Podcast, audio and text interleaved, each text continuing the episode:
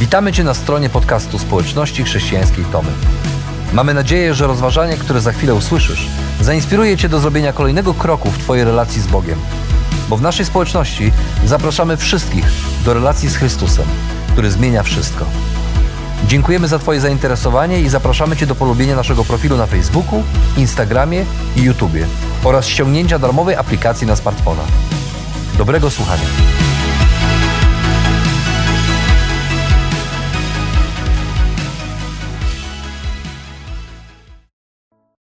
Przecież nic nie widzę, bo mam zamknięte. Ale są tacy ludzie, którzy właśnie widzą najwięcej, kiedy zamykają oczy i nazywamy ich marzycielami albo wizjonerami. To ludzie, którzy widzą wizję nowej rzeczywistości, nowego świata, którzy dokonują przełomowych odkryć albo konstruują nowe wynalazki. To kreatywni ludzie, którzy widzą, kiedy zamykają oczy, to widzą rzeczy, których nie ma, a być mogą.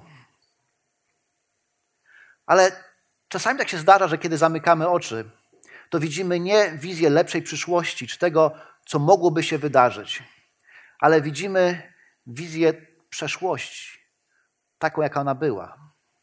I to często jest smutna przeszłość. To są smutne obrazy. Obrazy przegapionych okazji i możliwości, obrazy popełnionych błędów, których już nie można naprawić, słów, których nie można cofnąć, wydarzeń, których się wstydzimy, a które, których nie można wymazać, grzechów, które ciągle nam o sobie przypominają i sprawiają, że czujemy się winni. To obrazy niewykorzystanych możliwości i przeszłości, której często nie można już zmienić, ani poprawić, ani naprawić. George Bernard Shaw był laureatem literackiej Nagrody Nobla. I z tej okazji jeden dziennikarz zadał mu pytanie, gdybyś mógł przeżyć swoje życie jeszcze raz od początku, ale jako ktoś inny, jakaś postać, którą znasz, albo postać z historii, to kim chciałbyś być? A on powiedział, chciałbym być człowiekiem, którym George Bernard Shaw powinien być, a nigdy nie był. Nawet on, choć odniósł tak wiele sukcesów i miał tak wiele powodów do radości, miał też w swoim życiu takie momenty, kiedy patrzył na to życie i mówi: Nie stałem się tym, kim stać się powinienem. Ta przeszłość nie jest zawsze dobra, ale tego już nie można zmienić ani naprawić. I czasem, kiedy tak patrzymy na swoje życie i zmierzamy się ze swoją przeszłością tak, jak ona jest, to myślimy sobie, co zrobić, aby ta przyszłość przynajmniej była lepsza, aby te smutne obrazy przeszłości zamienić jakimiś pozytywnymi, lepszymi obrazami przyszłości. I w takich chwilach często zwracamy się do Boga i myślimy, Boże, to Ty przyjdź, napraw, poskładaj, zrób coś, żeby ta przyszłość była lepsza. I czasami też zadajemy pytanie Bogu w modlitwie. Mówimy, Boże, jaki Ty masz plan dla mojego życia? Pokaż mi plan dla mojego życia. I mam tutaj na myśli to, że Bóg ma jakiś jeden idealny scenariusz dla nas, który możemy przeżyć. Jeden scenariusz zawiera to, kogo polubić, a kogo poślubić, jakie studia wybrać, jaką pracę, gdzie zamieszkać. I myślimy sobie, że jeżeli ten scenariusz zrealizujemy, dokładnie tak jak jest zaplanowane, to wtedy będziemy szczęśliwi. Ja wierzę, że Bóg nam pomaga w tych decyzjach, kogo polubić, kogo poślubić, jaką pracę czy jakie studia wybrać, ale też Bóg ma dla nas coś więcej niż tylko ide jeden idealny scenariusz dla naszego życia. I przekonał się o tym Nehemiasz. No niedawno był on pod czaszem na dworze króla Artaxerxesa, a dzisiaj jest w drodze, bo właśnie niedawno wyruszył z Suzy do Jerozolimy na czele ekipy, która ma nadzorować budowę murów Jerozolimy. Wie, że są materiały na budowę. A droga z Suzy do Jerozolimy jest dość długa i daleka, więc Nehemiasz ma dużo czasu na rozmyślania. I on też myśli o przeszłości swojego narodu. I kiedy myśli o przeszłości swojego narodu, jego historii, to widzi obrazy, które bynajmniej nie napawają go optymizmem i radością, bo to jest smutna przeszłość. To jest przeszłość pełna ich grzechów, ich buntów wobec Boga, nieposłuszeństwa, ich przegapionych okazji, niewykorzystanych możliwości do tego, aby stać się tymi, kim Bóg chciałby, aby się stali. To przeszłość tego, jak łamali Boże prawo, ignorowali przymierze, odwracali się plecami do swojego Boga. I w rezultacie znaleźli się w niewoli na 70 lat. a więc też widział obrazy niewoli. Ale to nie wszystko, co Nehemiasz widział, kiedy zamykał oczy. Bo on też widział więcej. Widział Boże obietnice, bo znał Boże Słowo. I znał to słowo, które mówiło o tym, że jeśli Boży lud, mimo że zgrzeszy, opamięta się i zwróci się na nowo do Boga, to Bóg zwróci się do nich. Jeżeli tylko wyznają swoje grzechy, to On na nowo zgromadzi ich, gdziekolwiek by nie byli rozproszeni i da im odnowę. I od jakiegoś czasu prorocy zapowiadali tą odnowę. Jeden po drugim mówili, że Bóg was odnowi, Bóg na nowo was zgromadzi i zbierze i będziecie wolni. I faktycznie coś zaczęło się dziać. Cyrus wydał edikt pozwalający Żydom powrócić z niewoli do ich ziemi. Oczywiście nie wszyscy mogli wrócić, ale część wróciła pod wodą Zorobabela, odbudowali świątynię, potem Ezdrasz uczył ich prawa, a teraz Nehemiasz wraca po to, aby odbudować mury. To może nie jest jakiś wielki powrót, ale, ale coś się dzieje. Nehemiasz miał to poczucie, że coś się dzieje na jego oczach. Historia dzieje się na jego oczach. Że Bóg coś robi. Bóg działa. I to ciekawe, bo Nehemiasz nigdy nie zadał sobie pytania, Boże, jaki masz plan dla mojego życia? Ale on wiedział, że Bóg ma plan, który jest większy niż jego życie. Plan, który obejmuje nie tylko jego samego, ale cały naród i pokolenia, które przyjdą po nim. Dlatego zamiast pytać się, Boże, jaki masz plan dla mojego życia, on zastanawiał się, jak wpasować się w ten Boży plan i wziąć w nim udział, w tym, co Bóg już robi. Bo wszystko tak naprawdę zaczyna się od pytania: Boże, jak mogę znaleźć miejsce w Twoich planach? I to właśnie to pytanie sprawiło, że Nehemiasz zostawił wygodne życie w Suzie jako podczaszek króla i wyruszył w nieznane, do miasta, w którym nigdy nie był, a o którym wiele słyszał, które kochał, po to, aby podjąć się pracy, której jeszcze nigdy nie wykonywał, bo chciał być częścią Bożego planu. A kiedy przybył do Jerozolimy, to jego oczom ukazał się widok, który bynajmniej nie był piękny. Czytamy, że w końcu przybyłem do Jerozolimy. Po trzech dniach pobytu wstałem nocą. Ja i kilku ludzi ze mną. Nikomu nie wyjawiłem, jaki plan względem Jerozolimy kładzie mi Bóg na sercu. Nie zabrałem ze sobą żadnego zwierzęcia poza tym, na którym jechałem. Była noc, gdy wyszedłem przez bramę nad doliną. Skierowałem się do źródła smoczego i dotarłem do bramy śmietnisk. Jechałem i dokładnie badałem mury Jerozolimy, zburzone z bramami strawionymi przez ogień. Następnie ruszyłem ku bramie źródlanej, potem za cel wziąłem staw królewski. Było tam jednak za mało miejsca, by mogło tamtędy przejść zwierzę, którym jechałem. Dlatego ruszyłem w drogę korytem potoku, wciąż pod osłoną nocy i dokładnie obejrzałem mur. W końcu zawróciłem do bramy nad doliną i tak dotarłem z powrotem do siebie. Władze miasta nie wiedziały, dokąd się udałem, ani co robiłem. Wciąż nie zdradzałem tego Żydom, ani kapłanom, ani członkom wpływowych rodów, ani sprawującym władzę, ani całej reszcie zajęty, zajętym, zajętej różną pracą. Nehemiasz przybywa do miasta, spędza trzy dni, prawdopodobnie na odpoczynku, bo to była długa podróż, a potem nocą w tajemnicy wyrusza, aby obejrzeć mury miasta i czytamy, że dokonał dokładnej inspekcji tych murów. Mnie to jednak intryguje, czemu to zrobił w tajemnicy i czemu w nocy, ponieważ w nocy tak naprawdę nic nie widać. To nie jest najlepszy czas na oglądanie murów, zwłaszcza jeżeli to są mury zburzonego miasta, które dopiero podnosi się do życia. Nocą niewiele widać. Ale czemu Nehemiasz chciał to zrobić właśnie w nocy i w tajemnicy? Ten tekst tego nie mówi. E, wcześniej wspomina o tym, że wrogowie Izraela dowiedzieli się o tym, że król wydał zezwolenie na, na odbudowę murów i być może było tak, że Nehemiasz po prostu bał się zbytniego rozgłosu. To jeszcze nie był ten moment. Nie chciał, aby wrogowie się jeszcze bardziej uaktywnili. Może tak było. A może po prostu potrzebował mieć taką chwilę sam ze sobą i z murami zburzonego miasta.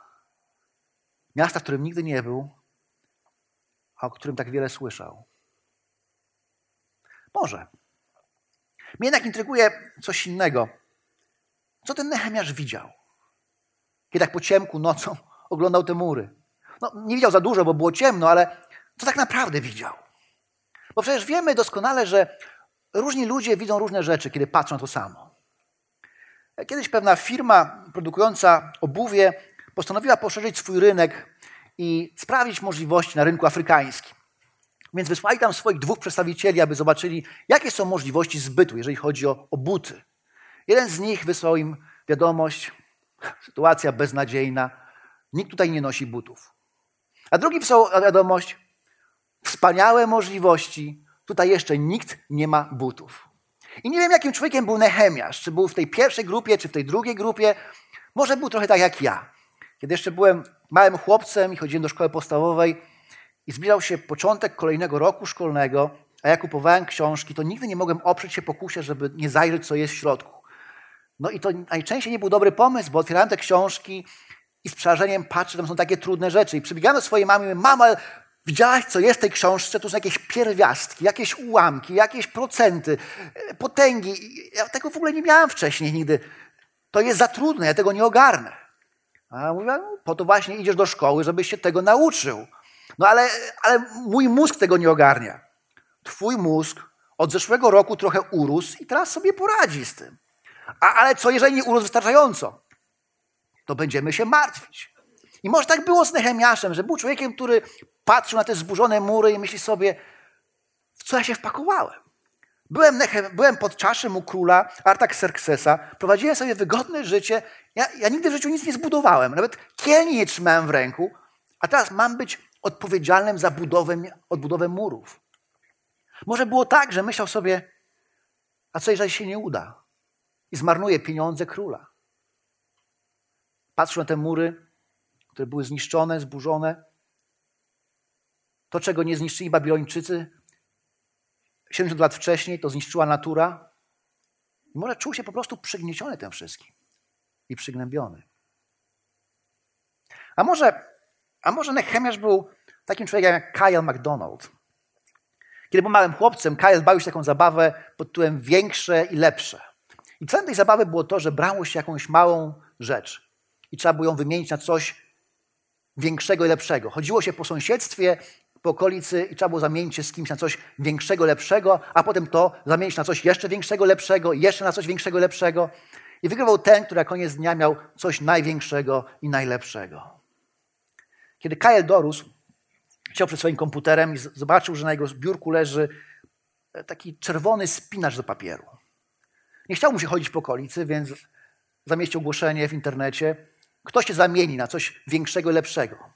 No i wymienił ten spinacz na długopis w kształcie rybki. A potem ten długopis udało mu się wymienić na rzeźbioną klamkę do drzwi.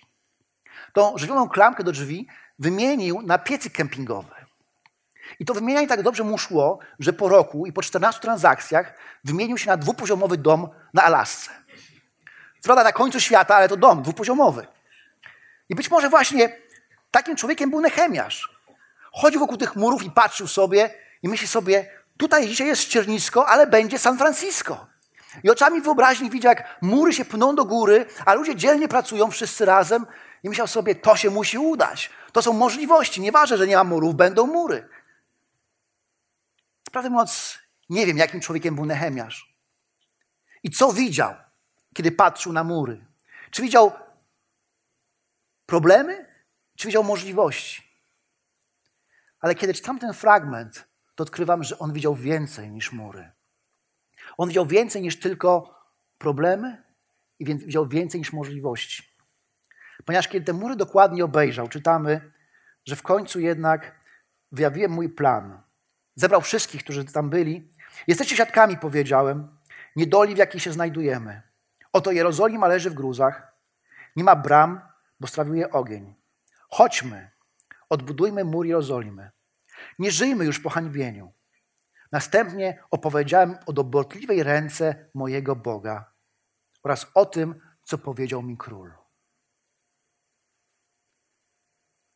Nehemiasz widział więcej niż mury, niż problemy, niż możliwości, bo on widział dobrotliwą rękę swojego Boga. I to jest druga wzmianka o dobrotliwej ręce Boga Nehemiasza w tym tekście. Pierwszy raz pojawia się ta wzmianka, kiedy Nehemiasz idzie do króla Artaxerxesa. To był ten sam król, który swego czasu zabronił odbudowy miasta, bo to buntownicze miasto. I staje przed tym królem, mimo że to jest ryzykowne, i prosi go, aby wyraził zgodę na odbudowę murów Jerozolimy. I król się zgadza. Mało tego, że się zgadza, to jeszcze daje e, eskorty dla Nehemiasza i daje materiały na budowę. Więc król nie tylko się zgodził, ale się za to zapłacił. I Nehemiasz powiedział, król wyraził zgodę, bo była nade mną dobrotliwa ręka mojego Boga, bo Bóg się o mnie zatroszczył. I właśnie o tej dobrotliwej ręce swojego Boga opowiedział mieszkańcom Jerozolimy. I ci ludzie, którzy na co dzień też widzieli tylko gruzy, ruiny i kamienie, które się potykali, oni zobaczyli więcej. Bo zobaczyli nie tylko mury, ale zobaczyli dobrotliwą rękę Boga, Bożą troskę, dowody Bożej troski. A więc okazuje się, że jeśli chcesz uczestniczyć w Bożym planie, to musisz zobaczyć rękę w Boga w działaniu i to, co On robi wokół ciebie. Ja nie wiem, jaki jesteś, jaka jesteś z natury, czy jesteś optymistą, czy pesymistą, czy widzisz możliwości, czy problemy.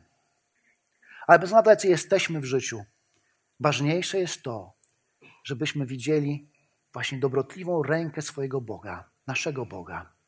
Ponieważ my tej dobroci Boga doświadczyliśmy na wiele sposobów. Bóg nas zbawił. Doświadczyliśmy przebaczenia grzechów, uwolnienia od grzechów i mamy pewność życia wiecznego. A także doświadczamy tej dobroci Boga każdego dnia. I ostatnie miesiące tego były dowodem, ponieważ dzisiaj jesteśmy, słuchamy, czy tutaj, czy online. Bóg nas zachował, Bóg się zatroszczył o nas. I nie tylko o nas, ale Bóg troszczy się też o naszych bliskich, o nasze rodziny, nasze sąsiedztwo. I Bóg ma plan, który realizuje od początku świata. To jest plan zbawienia ludzi. To jest Jego misja ratunkowa. I Bóg troszczy się o nasze rodziny, naszych bliskich, naszych sąsiadów, naszych współpracowników bardziej niż my sami. I On już coś robi pośród nich, aby ich uratować, aby ich zbawić. I często to odkrywanie swojego miejsca w Bożym planie zaczyna się od pytania: Boże, ale co Ty robisz pośród mojej rodziny? Co robisz w miejscu mojej pracy? Co robisz w moim sąsiedztwie? Co robisz wśród moich przyjaciół? Pozwól mi to zobaczyć, co Ty już robisz. I oni zobaczyli dobrotliwą rękę ich Boga. Ale nie tylko ją zobaczyli, ale czytamy dalej, wtedy odpowiedzieli: Dobrze, powstańmy i budujmy. I wezbrała w nich siła i przyłożyli ręce do dobrego dzieła. A gdy o tym usłyszeli Sanbalat, Choronita, Tobiasz, sługa Amonicki i Arab Geszem, zaczęli z nas kpić i drwić. Cóż wy tam robicie? Wzniecacie bunt przeciw królowi? Wtedy zwróciłem się do nich i powiedziałem im tak. Bóg niebios nam poszczęści. My, Jego słudzy, zaczniemy i skończymy budowę. Wy natomiast w Jerozolimie nie macie ani swojej części, ani do niej praw, ani też nie łączy was nic z jej historią. Powstał zatem arcykapłan Eli, Eliaszib wraz ze swoimi braćmi kapłanami i wspólnie odbudowali bramę owczą. Oni ją też poświęcili, wstawili w niej wrota, naprawili mur, dalej aż do baszty stu, a następnie pokryli go aż do baszty Hananeela. Obok nich budowali ludzie z Jericha, obok nich budał Zakur, syn Imriego. Bramę rybną odbudowali synowie Hasenaj. Oni zapatrzyli ją w belki oraz stawili w niej wrota, stworznie jej zasuwy. Oto ludzie, którzy widzieli tylko, tylko gruzy, ruiny, nagle zobaczyli dobrotliwą rękę Boga i postanowili, my chcemy przyłożyć swoje ręce do dobrego dzieła. Chcemy się w to włączyć. I to nie było ważne, że wrogowie Izraela o tym usłyszeli, zaczęli z nich kpić i szydzić, bo zawsze znajdą się ludzie, którzy powiedzą, to nie ma sensu, co robicie. Co wyprawiacie, to i tak się nie uda. To nie jest ważne. Ale ich to nie obchodziło. Oni całymi rodzinami zabrali się do pracy. I gdybyś tego dnia szedł z Nehemiaszem wokół murów, zobaczyłbyś przy bramie owczej grupę kapłanów, którzy tą bramę odbudowują, stawiają wrota, budują basztę i kawałek murów. Potem kawałek dalej zobaczyłbyś Ludzie przyjechali z Jericha, bo dowiedzieli się, że miasto jest budowane i budowali swój kawałek murów. Potem Zakura z jego rodziną. Potem rodzinę Hasenaj, którzy budują swój kawałek murów. Myśl powiedzenia, nie każdy sprząta przed swoimi drzwiami, a, każda a cała ulica będzie czysta, oni mówili, nie każdy buduje swój kawałek muru, a cały mur będzie zbudowany. I tak budowali, kawałek po kawałku, rodzina po rodzinie. Zwykli prości ludzie. Bo oni nie tylko zobaczyli rękę dobrotliwego Boga, dobrego Boga w działaniu, ale oni odkryli coś jeszcze. Że jeśli chcesz uczestniczyć w Bożym planie, to musisz przyłożyć swoje ręce do dobrego dzieła. Musisz się w to włączyć. A my często pytamy, Boże, jaki Ty masz plan dla mojego życia? Jaki jest ten Twój jedyny, idealny scenariusz dla mnie, który muszę odegrać? Jakie decyzje podjąć? Ja wierzę, że Bóg pomaga nam podejmować właściwe decyzje. Ale Bóg ma dla nas coś więcej tylko ten jeden, jedyny plan dla nas. On ma plan dla tego świata. Ten plan on realizuje od momentu stworzenia świata, upadku ludzi, przez to, że posłał świat swego Syna Jezusa Chrystusa, który umarł za nasze grzechy i zmartwychwstał. I Bóg chce zbawienia, odkupienia całego świata. I ten Bóg zaprasza nas wszystkich do udziału w tym planie, abyśmy byli częścią tego planu. I wszyscy stajemy przed pytaniem, Boże, jakie jest moje miejsce w tym planie? Jak moje życie może pasować do tego planu? I to jest najbardziej rewolucyjne pytanie, jakie można sobie zadać. Na to, kim jesteś. Czy lekarzem, czy hydraulikiem, czy nauczycielem, czy sprzątaczką. Dla ciebie jest miejsce w Bożym planie. I możesz być tym, kim jesteś i realizować część Bożej misji. A kiedy odkrywasz to miejsce, nagle zaczynasz żyć inaczej. Jako rodzic, jako mąż, jako przyjaciel, jako sąsiad, jako pracownik, żyjesz inaczej, ponieważ jesteś częścią Bożego planu, jesteś częścią Bożej misji. I nagle odkrywamy też, że nie jest przypadek, że urodziłem się w takiej właśnie rodzinie. To nie jest przypadek, że pracuję w tym miejscu. To nie jest przypadek, że mieszkam w takiej okolicy, w takim sąsiedztwie. To nie jest przypadek, że mam takich, a nie innych znajomych. Bo Bóg ma w tym swój cel. Pewien dziennikarz postanowił przeprowadzić wywiad e, z kobietą, która właśnie kończyła 85 lat. To był taki urodzinowy wywiad. Ta pani była znana w swoim sąsiedztwie, znana i lubiana, więc dziennikarz pomyślał sobie, że jej urodziny to świetna okazja, by porozmawiać o życiu. I pytał się, jaki jest sekret takiego szczęśliwego życia. Ona opowiadała mu o Bogu, o relacji z Bogiem, o, o tym, że inni ludzie są ważni, że trzeba się mieć przyjaźnie, relacje z innymi. Opowiadała o książkach, które czyta, o tym, że trzeba się zdrowo odżywiać, bo to ważne. I na koniec mówi, i wiesz, i mu, za, musisz komuś służyć. Ważne jest, żeby komuś służyć. A potem powiedziała mu w wieku 85 lat. Wiesz, tutaj mieszka taka staruszka niedaleko, którą się opiekuje. W wieku 85 lat ona znalazła staruszkę, którą się opiekuje. Dlatego, że to nie ma znaczenia, ile masz lat i kim jesteś. Jeśli jesteś częścią Bożego planu, to wierzysz, że Bóg przez ciebie może pokazać swoją dobroć innym ludziom i że inni ludzie mogą poznać dobrego Boga przez ciebie. A więc, jeśli chcesz uczestniczyć w Bożym planie, to nie wystarczy wziąć rękę dobrego Boga w działaniu, ale trzeba przyłożyć swoje ręce do dobrego dzieła. A to zawsze lepsze niż trzymać je w kieszeniach.